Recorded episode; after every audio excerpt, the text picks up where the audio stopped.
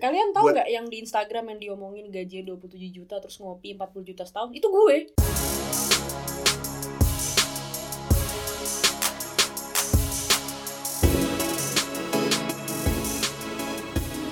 Hey, balik lagi sama Vincent. Dan gue Amel Lo lagi dengerin Postino. Biarin aja lah. Podcast ngomongin orang.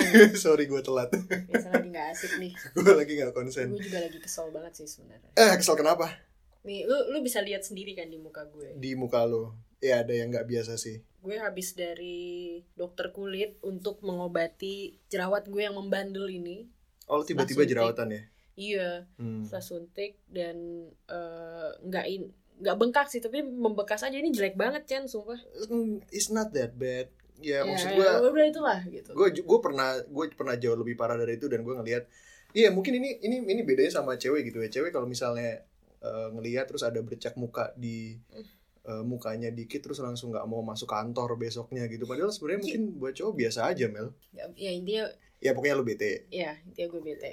Oh ya kita mau info dulu ya. Kalau podcast kita ini udah bisa didengerin di Apple Podcast. Apple Podcast yes. Nah eh, Spotify belum ya lu nggak tahu caranya ya ya udah, ntar gue aja yang bantuin kalau gitu Eh, thank terus- you juga buat kalian udah follow kita di SoundCloud udah 700 followers sekarang yes selain itu karena kita udah ada udah jadi orang yang ngepodcast lebih dari 15 tahun gitu. iya ya Eh, udah kita, udah senior lah ya di sini Iya, iya, senior banget. Kita juga mau berbagi account-account favorit kita nih. Iya, salah satunya pasti kalian udah tahu semua ya ada Adriano Kalbi di podcast awal minggu em, yang udah jauh eh, lebih dulu em, memperkenalkan em, eh, Iya, dia podcast. Udah, udah, udah 30 tahun dia. Iya, ya, udah lama banget, tua banget. podcast, iya. Terus selain itu Mel, Tapi jangan ketawa ya. apa tuh? Mungkin ya, mungkin kadang-kadang ada momennya gue mendengarkan ini. Yaitu Mendengarkan podcast soal parenting.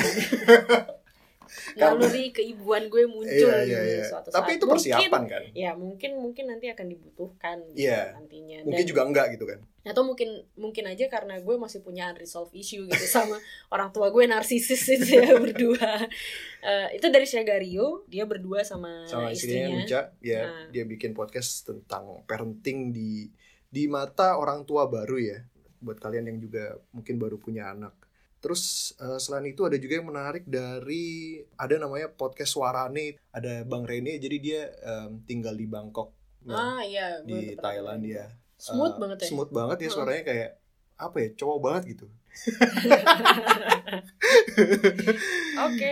Eh, terus ada lagi macam-macam eh, ada podcastnya eh, Shani ada Shan Solo ngebahas Star Wars. Terus ada juga ada podcast dari seorang yang jauh lebih senior dari kita Mel. Umurnya sekitar 60-an itu Pak Pak Sujar ya. Ah dia, iya Pak Sujar. dia tinggal di Australia kalian Mm. bisa cek namanya podcastnya iseng-iseng di Kebayoran. Eh, tapi di tengah semua itu ada satu yang menarik perhatian gue Mel. Apa itu? Waktu itu jadi gue lagi iseng-iseng browsing di SoundCloud terus ada podcast namanya podcast Jumatan. Nah gue pikir ini oh ini podcast yang dibuat tiap hari Jumat gitu loh. Oke. Ternyata pas gue play isinya bener-bener khotbah Jumat. Semua jadi dia rekaman. Jadi dia ada khotbah Jumat sama dia direkam. Dan bionya pun menarik gitu buat kawan-kawan yang belum sempet denger khotbah atau mungkin ketiduran. Ini saya rekamin buat kalian. Luar biasa ya. Ya itu itu itu lebih berfaedah lah dibandingin kita sebenarnya. Ngomongin orang. Ngomongin orang. Ngomongin mendingan Apa? dengerin khotbah Jumat. Apa nggak malu gitu Eh, em, kalau nggak salah kita pernah ngebahas soal RKUHP ya ya RKUHP itu kemarin sempat eh, jadi polemik selama beberapa minggu belakangan ya. Tapi ternyata hari Hmm. Senin kemarin kita dikejutkan oleh hal-hal di luar dugaan gitu. Ternyata DPR sudah lebih dulu ketuk palu RUU MD 3 hmm. Gitu. Hari Senin kemarin di saat semua apa lagi lagi MD3? em, ngomongin RKUHP terus RUU MD 3 ini diketok oleh Pak Fadlizon kemarin ah kemarin Senin Oh iya, gue pernah baca tuh soal yang kita tidak boleh mengkritik anggota dewan ya. ya salah satu salah satu isi pasalnya adalah Ya itu di retweet eh, eh di retweet Fadlizon soalnya gue baca. oh gitu Gue follow Fadlizon. Iya. Maaf ya. salah satu pasal dari eh, RUU MD 3 ini mewujudkan bahwa eh menyebutkan bahwa salah satu kewenangannya mengizinkan MKD mengambil langkah hukum terhadap pihak-pihak yang merendahkan DPR. Jadi kalau nanti ditengarai lo merendahkan DPR, lo bisa ditindak secara hukum oleh MKD. Merendahkan itu maksudnya apa ya? Itu Tidak meninggikan, Bisa tidak membuat rendah. Eh, maksudnya membuat rendah. gitu. Membuat rendah, ya, membuat jadi rendah. Membuat jadi rendah. Oke, misalnya gue duduk di samping Pak Fadlizon, terus kita berdiri nih. Ternyata gue lebih tinggi nih daripada Lo dia. bisa dipakai. bisa dipenjarakan. Jadi kalau lo lagi duduk sama Pak Fadlizon, lo jangan tiba-tiba berdiri ya. Iya. Ya, karena itu bisa disangka merendahkan. Padahal pengen pipis aja ya, Iya, berdiri betul ya. kan? Iya. Jadi ini gray area ya? Grey area bener. Merendahkan, iya bisa juga ya. Heeh. Tapi Pak Bambang Susatyo itu sempat bilang kayak gini waktu diwawancara ya, bahwa sebenarnya ini untuk melindungi rusaknya kehormatan dewan Oh. supaya eh, eh, tidak ada pihak-pihak di luar sana yang nanti ingin eh, merenggut ke- kehormatan dewan gitu kan. Hmm. Cuman ini agak aneh ya gitu. Merenggut kehormatan dewan itu apanya yang direnggut gitu kan. Ini kayak merenggut keperawanan seorang ibu gitu. Udah nggak ada gitu. Apa yang mau direnggut? Lucu ya mereka mereka tuh pengen mempertahankan kehormatannya Hmm. sementara banyak orang-orang orang-orang yang instead of menjaga kehormatannya di mata rakyat Mhm. eh, mereka tuh pengen terlihat hormat pengen terlihat bisa dihormati gitu sementara harusnya lo harusnya terlihat kerja Betul, bukan betul. terlihat pengennya dihormati Betul, betul. Aduh, ini It- hmm, itu menjadi lucu juga karena kalau lo mungkin pernah dulu sekolah kan ada macam-macam guru ya mm-mm. ada guru yang galak ada guru yang pinter gue kadang ngelihat gue lebih hormat sama guru yang eh, pinter gitu loh Mm-mm. karena ya kehormatan itu datangnya dari dari cara dia mengajar Betul. dari eh, eh, ilmu yang dia punya gitu Betul. dan harusnya kehormatan itu nanti datang, datang sendiri, dengan gitu. sendirinya Iya. betul kalau kalau kalau emang masyarakat ngelihatnya eh, anggota dewan ini benar-benar menyuarakan kehendak mereka gitu Iya. kan tapi ada juga tadi Iman Syafi'i nge-tweet eh, Hmm. harusnya kita nggak nggak perlu takut lah akan ini gitu karena Mm-mm. selama kita mengkritik anggota dewan dengan cara yang benar eh, maka harusnya kita tidak perlu takut gitu sama revisi undang-undang ini ada benarnya sih karena Hmm. memang seharusnya dibedakan ya mengkritik dan merendahkan gitu. ya kalau mengkritik kan mungkin mengkritik kalau mengkritik bunyinya gini ya eh lo kerja yang bener dong gitu itu Iya. mengkritik Iya itu mengkritik. Nah, nyuruh kalau- juga sih itu sebenarnya. Iya. Nyuruh nyuruh. Gitu. eh lo kerja lo nggak bener lo kerja yang bener dong gitu kan Mm. itu mengkritik bilang Iya. kalau kerja yang nggak bener Heeh. nah kalau merendahkan itu mungkin eh lo kerja yang bener dong anjing gitu ada anjingnya gitu jadi sebenarnya nggak susah-susah banget gitu jadi eh, merendahkan itu mengkritik dengan umpatan jadi kalau kalian pengen aman ya kritik-kritik aja tanpa mengumpat gitu ya itu salah satu trik supaya tidak dibui gara-gara UMD 3 ini Tapi Hmm. ya ternyata eh, revisi undang-undang ini tuh duluan disahkan ya? Atau memang udah lama sebelum RKUHP? karena pembahasannya ya kemarin kita sempat dirundung kabut RKUHP jadi iya, kita lupa bahwa ini MD3 dulu sempat jadi pembicaraan juga sepanjang tahun betul. 2007 Kita eh, kita fokus banget di RKUHP waktu itu. Iya. Dan lo juga salah kemarin apa tuh ngomongin soal RKUHP-nya akan disahkan kapan. eh, oh iya iya ya lu iya. ngasih harapan ke orang. Sekarang lu lu harus minta maaf dulu nih ke pendengar-pendengar kita. Waktu kalian itu ya udah lu yang jelasin lah. Ya kemarin gue bilang bahwa RKUHP yang di dalamnya em, yang jadi polemik adalah eh, perbuatan zina di luar nikah itu bisa di Penjarakan. dipenjarakan itu ya. Hmm. dan gue bilangnya itu akan diketok palu Juni. Gue gue gue lupa gue baca di mana ya Juni. Tapi ternyata akan disahkan rencananya besok ya. 14 Februari. Iya gak sih? Kayak kok di luar dugaan ya? Atau emang gue yang salah waktu itu ya? Gue salah informasi ya bilangnya Juni. Ini momentumnya pas banget sih. 14 oh jangan-jangan ngejar momentum mereka Iya, RKUHP anti perbuatan zina hmm. disahkannya di hari di mana banyak asumsinya banyak orang berzina gitu kan. Jadi ini ini berpotensi mengurangi kalajengking kalajengking itu tuh yang bayi-bayi kalajengking yang lahir bulan November ini. ya ya, Scorpio ya ya betul. oke Valentine's Day Bes iya 14 Februari jatuh di hari Rabu besok Valentine's iya, Day ya Valentine's Day. dan mereka mau ketok palu di 14 Februari, Februari juga Gue rasa bukan kebetulan sih. bukan kebetulan ya mungkin yang bikin undang-undang ini ada dendam kesumat sama Scorpio ya jadi mereka nggak mau lebih banyak Banyak Scorpio, lahir yang lahir. iya iya Ya, iya betul, betul. Ini tuh sebelum ini disahkan, Mhm. kayaknya ada salah satu public figure yang sudah tahu nih Udah tahu. udah tahu eh, dan udah mempersiapkan jauh-jauh hari eh, untuk melegalkan eh, eh, hubungannya dengan hubungannya dengan pasangannya gitu. Ya. Tahu Vicky kan Prasetyo. Iya, pasti dong. Buat apa Ah, bikin tapi- podcast tapi- ngomongin orang nggak ngomongin orang? Iya, Vicky Prasetyo itu anjir emang kemarin itu bikin kita bikin satu Indonesia tersontak ya apa bahasanya Eh, benernya tersentak ya Tersentak, Dengan- tersentak dengan- gitu. dan labil ekonomi. Vicky Prasetyo ini sudah mendapatkan kewahitan dari konspirasi kosmos melalui sinar ultraviolet dari Green Day untuk menikah dan bersaksi sebagai pribadi yang sudah diikat dengan kesucian angel yang seperti malaikat itu melalui jalur kuning, janur kuning yang melintang. anjir Artinya kewong. tapi tapi orang itu eh, gila ya maksud gue dia tadinya dibenci orang terus bisa jadi orang yang pernikahannya itu semua orang pengen tahu Nih. gitu itu itu gimana cara dia membalikkan Gue tahu table itu gue ya tahu kenapa Se- sedari kecil gitu Hmm. gue kalau kadang ngobrol sama guru gitu ya Mhm. mungkin umur gue 9 atau 10 tahun lah Mhm. eh, saat itu gue itu pernah lah melakukan kesalahan namanya anak-anak kan Mhm. either itu di sekolah atau di rumah gitu Hmm. Tapi makin lama gue pelajarin if I talk long enough kalau gue ngomong panjang dikit Hmm. entah itu masuk akal atau enggak Hmm. kadang gue tuh bisa dimaafkan gitu jadi kebenaran itu bisa bisa jadi buram dan kesalahan tuh tidak lagi di gue gitu. Iya iya iya. Mungkin sebenarnya mungkin sebenarnya dia itu jauh lebih pintar dari kita ya. betul itu strategis namanya Itu gila men. Jadi kayak kit- dia saking panjangnya ngomong sampai kita lupa dan kita "Ah, ya udahlah gitu. Kita karena kita udah muak aja denger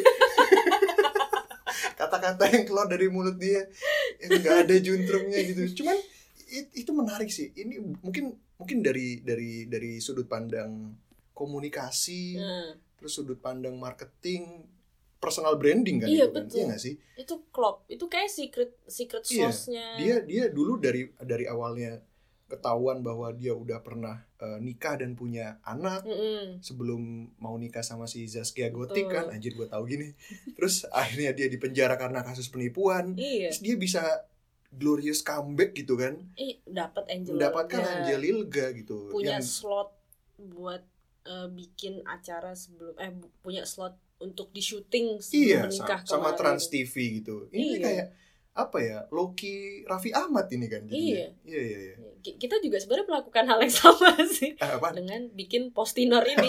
Sebenarnya kita berdua ini kita tahu kalau kita ngomong-ngomong panjang dikit kita melebih-lebihkan sedikit. Kasih bumbu-bumbu dikit aja banyak yang denger. Gitu. iya juga ya sebenarnya. Cuman kita kayak ya hmm, tapi ya menarik sih. Mungkin mungkin dari segi komunikasi dan oh ini akan jadi studi Mm-mm. kasus besok mahasiswa-mahasiswa komunikasi ya? Iya. Sama marketing ya? Vicky Boleh. Prasetyo ini sehingga bisa mencapai kesuksesan gitu kan? Heeh. Terus terus terjun dari helikopter itu men. Itu anjing banget sih. Eh, maksud gue kemarin tuh lu sempat baca gak sih ada ada apa? ada wartawan yang tanya ke Vicky gitu ya Aha. apa yang menginspirasi kamu untuk terjun dari helikopter ke laut untuk menyatakan cintanya ke Angel Elga? gitu kan? Apa emang ya dan seperti diharap seperti kita harapkan gitu ya jawabannya itu juga khas Vicky Prasetyo gitu. Apa? Dia terinspirasi dari Beauty and the Beast. Oh oh apa, oke, apa nyambungnya coba? Emang ada adegan adegan Beast loncat dari helikopter di filmnya? Ada tau. Di di ah lu ini gue inget-inget banget. Ada di Pornhub kali lu nonton and the Beast-nya Pornhub bukan bukan ada ada ada ada di menit eh, menit 135 Enggak, filmnya itu 2 jam 5 menit, men. 135 itu 2 jam 15 menit. lu nggak tahu kan Apa? itu after credit scene tau gak sih sebenarnya itu atau itu disisipin Oh, kan tren, eh, iya iya itu makanya after nonton- credit scene-nya ya. Iya, ada ada adegan Beast. iya ada bis adegan loncat bis loncat dari dari helikopter, helikopter di abad ke 16. 16, iya. Ada ya? Ah. Banyak helikopternya. di Game of Thrones saja tahu-tahu ada truk tronton di belakang ya ada? kan kan sempat ada yang Oh kesel iya iya iya iya. nggak mungkin lah itu film dibikinnya tahun 16 pakai logika dong. Ya ya ya, oke. boleh lah boleh boleh Vicky tapi lu lu sendiri dari sudut pandang cewek ngelihat ngelihat ada cowok berkorban seperti ya simbolis gitu ya simbolis loncat dari dari helikopter gitu. Mm-mm. kalau lu di posisi Angel Elga apa yang lu rasakan Mel? Kan Angel Elga tahu itu udah di script pasti. Ya enggak ya taruhlah. Ya taruhlah misalnya ada ada yang terjun eh, dari helikopter. ya sekarang lagi oh lagi seru-serunya juga masalah ini ya. Masalah romantis romantisan ini kemarin ada juga film Dilan yang katanya romantis banget gitu kan. Lu udah nonton gue gue terus terang belum nonton cuman gue sempat lihat beberapa review. adegannya terus Oh, sempat adegan. beberapa reviewnya dan emang emang mungkin Dilan itu romantis karena kata-katanya tidak biasa ya Mele. Rindu itu usah. berat. Iya nggak usah rindu rindu itu berat gitu kan Hmm. aku saja gitu. Itu tergantung siapa yang ngomong juga sih Mel. Soalnya iya untung Dilan ganteng gitu. Kalau misalnya Dilan kayak mukanya kayak gue pas SMA itu gue udah gue udah disuruh tesurin sama guru BP tau gak ngomongnya ngomongnya nggak jelas gitu aja. Kamu kenapa kamu tesurin ya nggak lu em, pribadi gimana deh kalau ada cowok yang berusaha Terjun. untuk romantis? Ya apa pun terjun dari gedung terjun baju jumping apa kayak.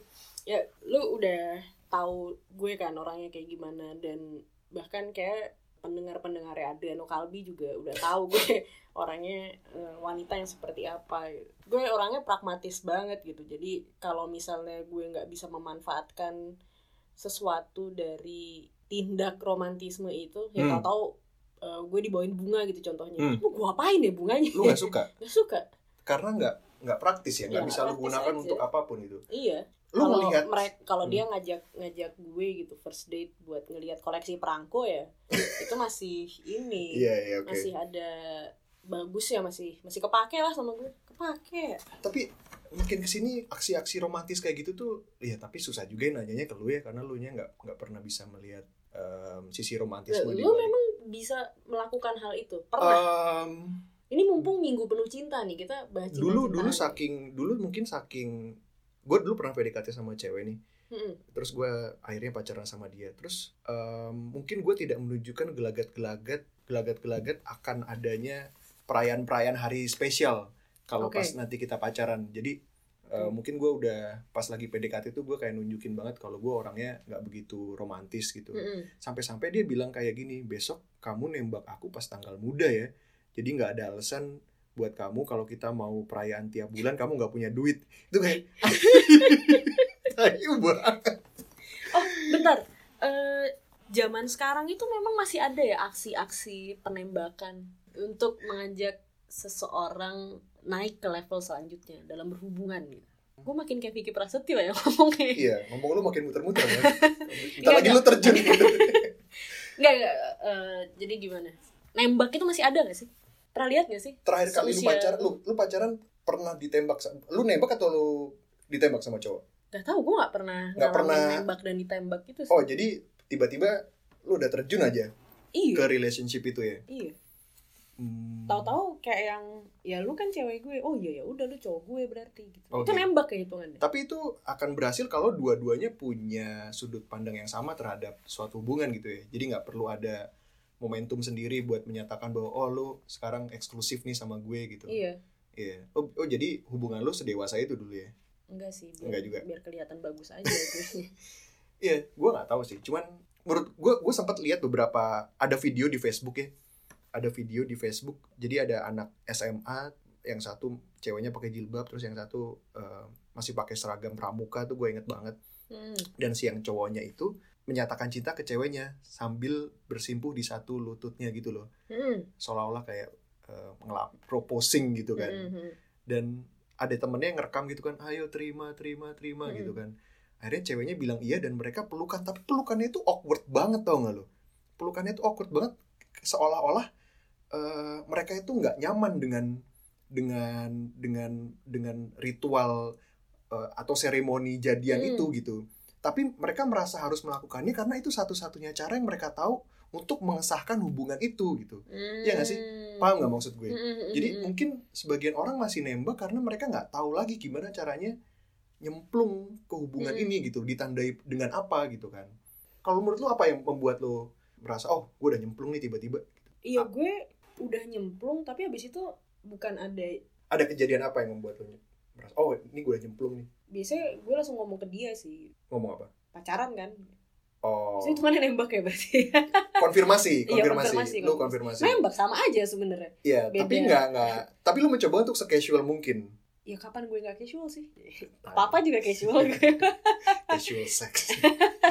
enggak lah Casual sex itu yang pakai yang pakai jeans ya. iya iya nggak nggak pakai celana bahan casual sex Iya. Apa penandanya? Sekarang nggak bisa diukur gitu ya. Udah nggak zaman nembak-nembakan dong ya kalau gitu ya. nggak pernah mungkin karena dulu dipertontonkan di depan umum kali ya Oh. Sekarang, dulu kan ada acara itu tuh katakan katakan cinta Shit. tuh ya kayak gitu-gitu Iya iya. Itu jadi diglorifikasi ya. iya betul Ivan Lanin glorifikasi. bukannya justru Vicky Prasetyo ya oh iya. ini Ivan Lanin antara Ivan Lanin sama Vicky Prasetyo beda tipis ini Glorifikasi itu bahasa Indonesia bukan? Dari glorified, Glorified, iya. ya. Terus ya eh, dengan adanya tontonan-tontonan kayak Mas Vicky Prasetyo terjun dari helikopter, Hmm. terus eh, ada yang siapa tuh yang nikah di eh lamaran di kapal pesiar? Eh, eh, Chelsea Olivia. Glenn Salinsky Iya, ya. Glenn Alinsky dan Chelsea Olivia. Glenn Alinsky betul. Terus eh, drama Korea juga gitu. Ya bukan drama Korea aja sih, bahkan sinetron-sinetron juga itu kayak menambah ekspektasi orang gitu. Kalau- Ekspektasi Ekspektasi kalau untuk menyatakan perasaan. perasaan itu harus seperti ini gitu. Padahal kan sebenarnya tinggal kosong nggak? Kalau dijemput ya. Iya. Terus gue yang digituin sama orang kan jadi jadi ngerasa malu gitu ya. Lu nggak nyaman ya sebenarnya ada orang yang di depan umum menyatakan eh, ya gue merasa dengan- ada ada yang salah kenapa gue terima-terima aja ya diginiin sama lelaki sementara ada banyak lelaki lain yang ya ini terjun dari helikopter. Gue kurang laki apa coba? Oh, oke Iya, oke oke. Eh baru nangkap maksud lo. Jadi em, sekarang ekspektasi cewek itu makin lama makin naik Makin ya. naik. Oh, sama ini kemarin di kapal pesiar Iya. terjun dari Di helikopter. Di tengah-tengah salju, dijemput, dikasih jaket gitu. Tapi menurut gue gimana ya? Susah loh. Eh, gini, lu nyewa kapal pesiar tuh bukan hal yang murah. Itu pertama. siapa? Kata siapa? Bukan hal yang murah. Enggak, itu pasti deh. Kalian tahu Buat- nggak yang di Instagram yang diomongin gajinya 27 juta terus ngopi 40 juta setahun? Itu gue.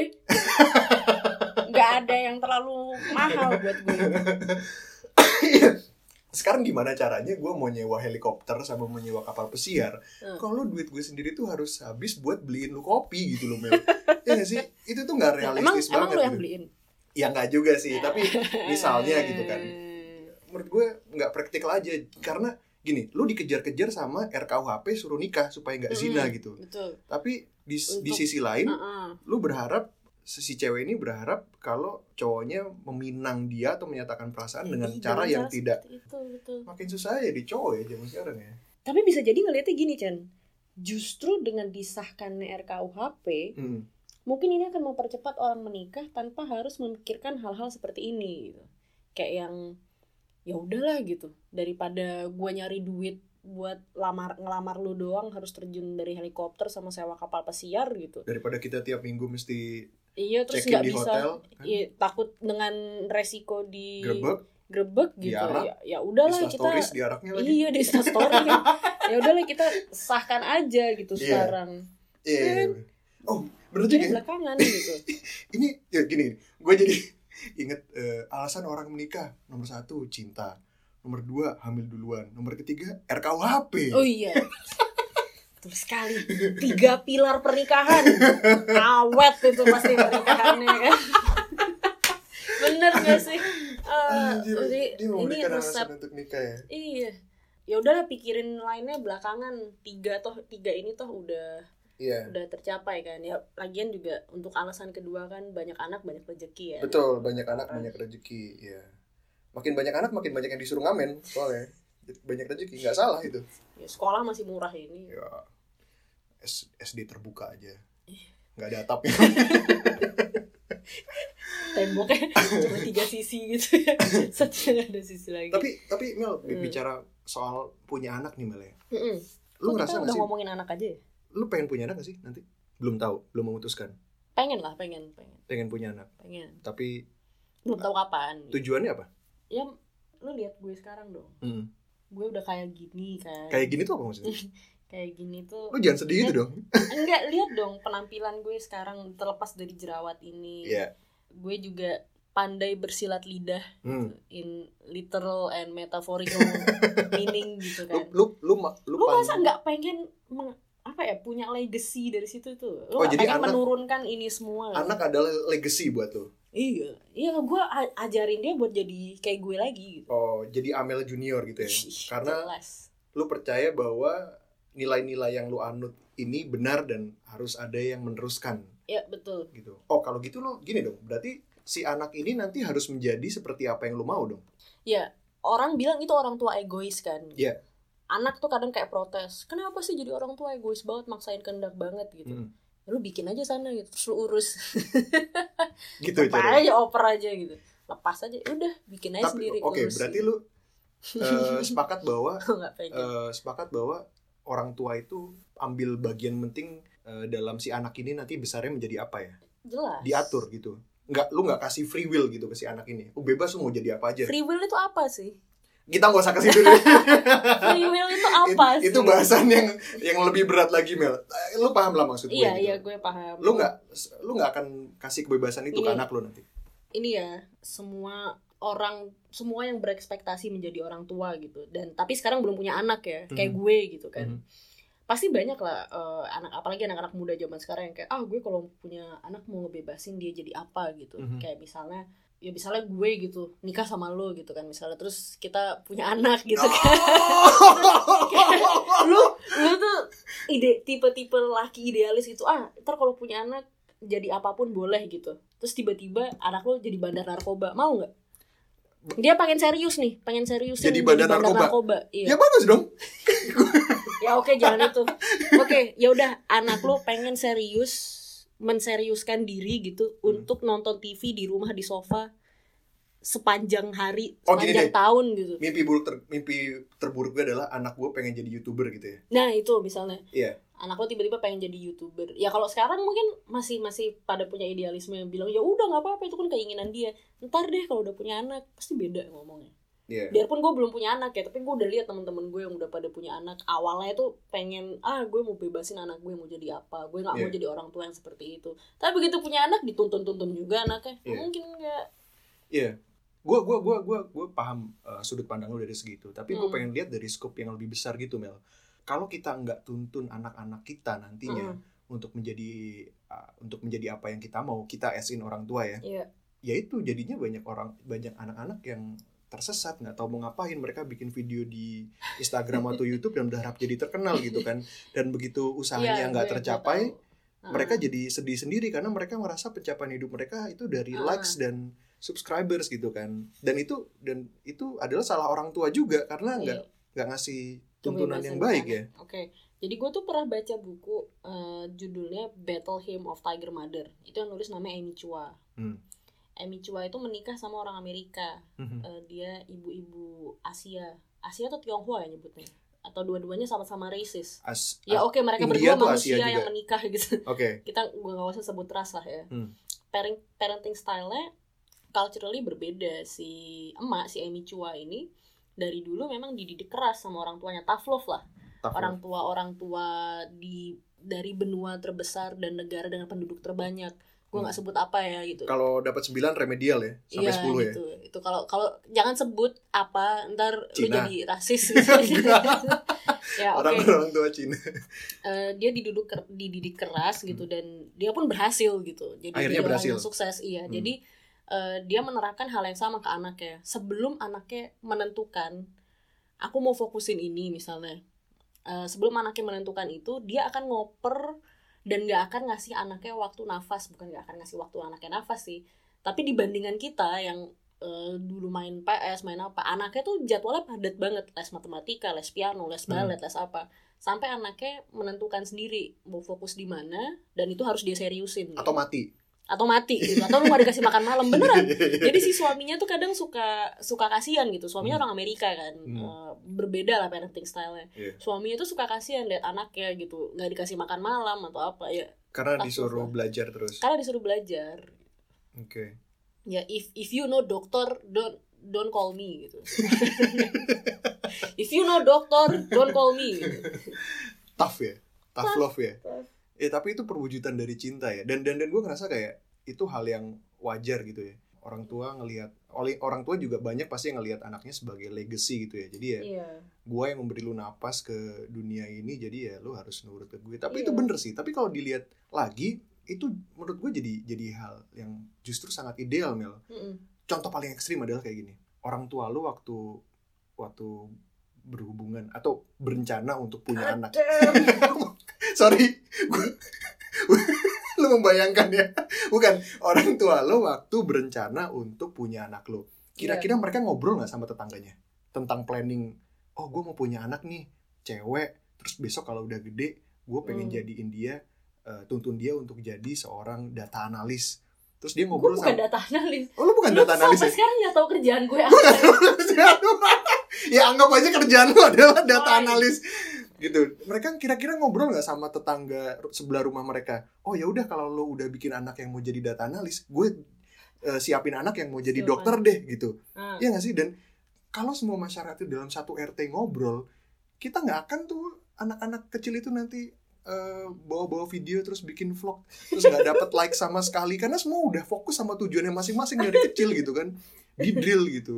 Jadi menurut gue yang yang yang yang kurang dari masyarakat sekarang itu adalah ngobrol sama Iya, tetangganya gitu ya. iya eh kalian mau dibuka. keluarin di dalam kapan terus mau dijadiin apa nih anak besok biar nggak samaan kita gitu jadi Iya, iya, iya, biar iya. masing-masing profesi itu udah ada Iya, udah ada udah ada jatahnya gitu. Anak Iya. teknik jangan jadi ekonom gitu kan. lu ngambil kerjaan orang aja, lu ngambil field aja gitu. Atau anak IPB jangan ke bank gitu kan. Iya gak sih? Institut Perbankan Bogor Oh iya betul ya namanya. Iya. Salah, salah saya maaf maaf maaf. Nah itu itu gue setuju sih. Iya. Jadi kayak sebelum sebelum waktu lagi program gitu ya, waktu lagi program tuh eh, dikumpulin dulu nih. eh, iya sama Pak RT-nya sama gitu Pak RT-nya kan Iya. kayak musyawarah. Nih Iya. kalian kalau bikin anak pengen jadi apa? Misalnya di RT itu udah ada dokter dua, Iya. udah ada yang kerja di bank dua Iya. gitu. Terus yang belum itu kayak chef gitu belum Iya. kan? oh belum ada yang mau jadi chef bro belum besok kamu anak kamu iya, jadi chef salah satu dari kalian deh bikin didik buat Iya. jadi chef gitu. Benar. Buat tinggal di RT ini juga gitu. Nggak Iya. maju-maju ya sih. Turunin aja terus ke situ. nggak terus misalnya lu kebayang rumahnya gitu. nggak kebayang kebayang gak sih kayak oh saya pengen anak saya jadi dokter oh kamu SD aja nggak lulus mana bisa anak kamu jadi dokter itu Pak RT-nya bangsat banget sih. Mematikan mimpi orang gitu. Itu betul betul nih pasti Syagario waktu dengerin kita bangga banget pasti ya. Iya. Gila kita udah udah punya solid parenting pare- parenting skill gitu loh. Iya. Kita kan udah kita hidup di Gila. 3050 Mel. Iya ya Hmm. kalian semua masih dua, du- di 2018 gitu. Iya. udah udah udah jauh banget lah kita. Wah jadi ngalor ngidul ya ya udah eh, buat kalian yang lagi dengerin kita Mhm. sadarlah bahwa eh, RKUHP-nya sudah disahkan Iya. saat podcast ini keluar. saran gue gini Mel Em, Hmm. kalian kalau pas misalnya lagi merayakan dalam tanda kutip Valentine bareng pasangan kalian yang belum dengan sah mengucapkan selamat gitu. oh iya Boleh nggak sih? boleh tapi kalau kalian sedang merayakan nih dalam tanda kutip Oh iya iya. gue sarankan kalian sambil nyetel TV Metro Ah, TV atau apa coba Iya. cek terus dilihat udah ketok palu belum RKUHP Ah. Kalau udah ketok, langsung check out iya. Betul sekali. Wah, berbahaya sekali. Check out itu merayakannya oh berarti ini ya di Iya supaya personal kan ngucapinnya di tempat yang sepi Oh, gitu nggak nggak bisa dibisikin aja. Ya Harus di tempat sepi juga. harus harus harus Hmm, harus. Oke. Biar banyak Scorpio ya. anyway kayaknya udah ya Mel Heeh. Eh, ini kalau RKUHP juga disahkan, bisa Hmm. jadi ini episode terakhir kita. Kok? Kan namanya Postinor. ah shit kita harus Bisa ganti nama Ini episode terakhir kita dengan nama Postinor. Iya Eh, atau bisa jadi ini cuma strategi marketing kita aja bikin ini episode terakhir biar rame gitu. jangan-jangan ini kita yang nyuruh DPR buat ngesain RKUHP nggak mungkin aja grand design-nya mungkin sekian ya obrolan kita kita udah ngobrol panjang banget Iya. to make up episode kemarin ya pendek Iya. banget Ya, eh, kemarin karena kemarin kita sempat sempat hilang juga seminggu ya. Mm-mm. Em, jadi episode minggu ini kita ada dua kali tayang ya Mel. Duh, kata siapa Tapi jadi satu episode, dua episode Oh. jadi satu episode sekarang. oh berarti. iya ceritanya ya ceritanya nggak mau rugi banget kan Em, selamat hari Valentine. Boleh, boleh, boleh boleh ucapin boleh, oh ucapin. ya Selamat hari Valentine dan selamat tahun baru tahun baru, tahun baru Cina ya. Tionghoa tahun baru Tionghoa Happy Lunar New Year. Happy Lunar New Year Oke. gitu Semoga semoga em, diber- diberi keberkahan di tahun baru ini. Amin di tahun baru Ini tahun baru tahun apa ya? tahun tahun anjing Serius? iya iya betul betul Anjir. aduh bisa dikat nggak bagian Iya, tadi gua cut itu nanti. ya, dikat. Oke, sampai jumpa lagi guys. bye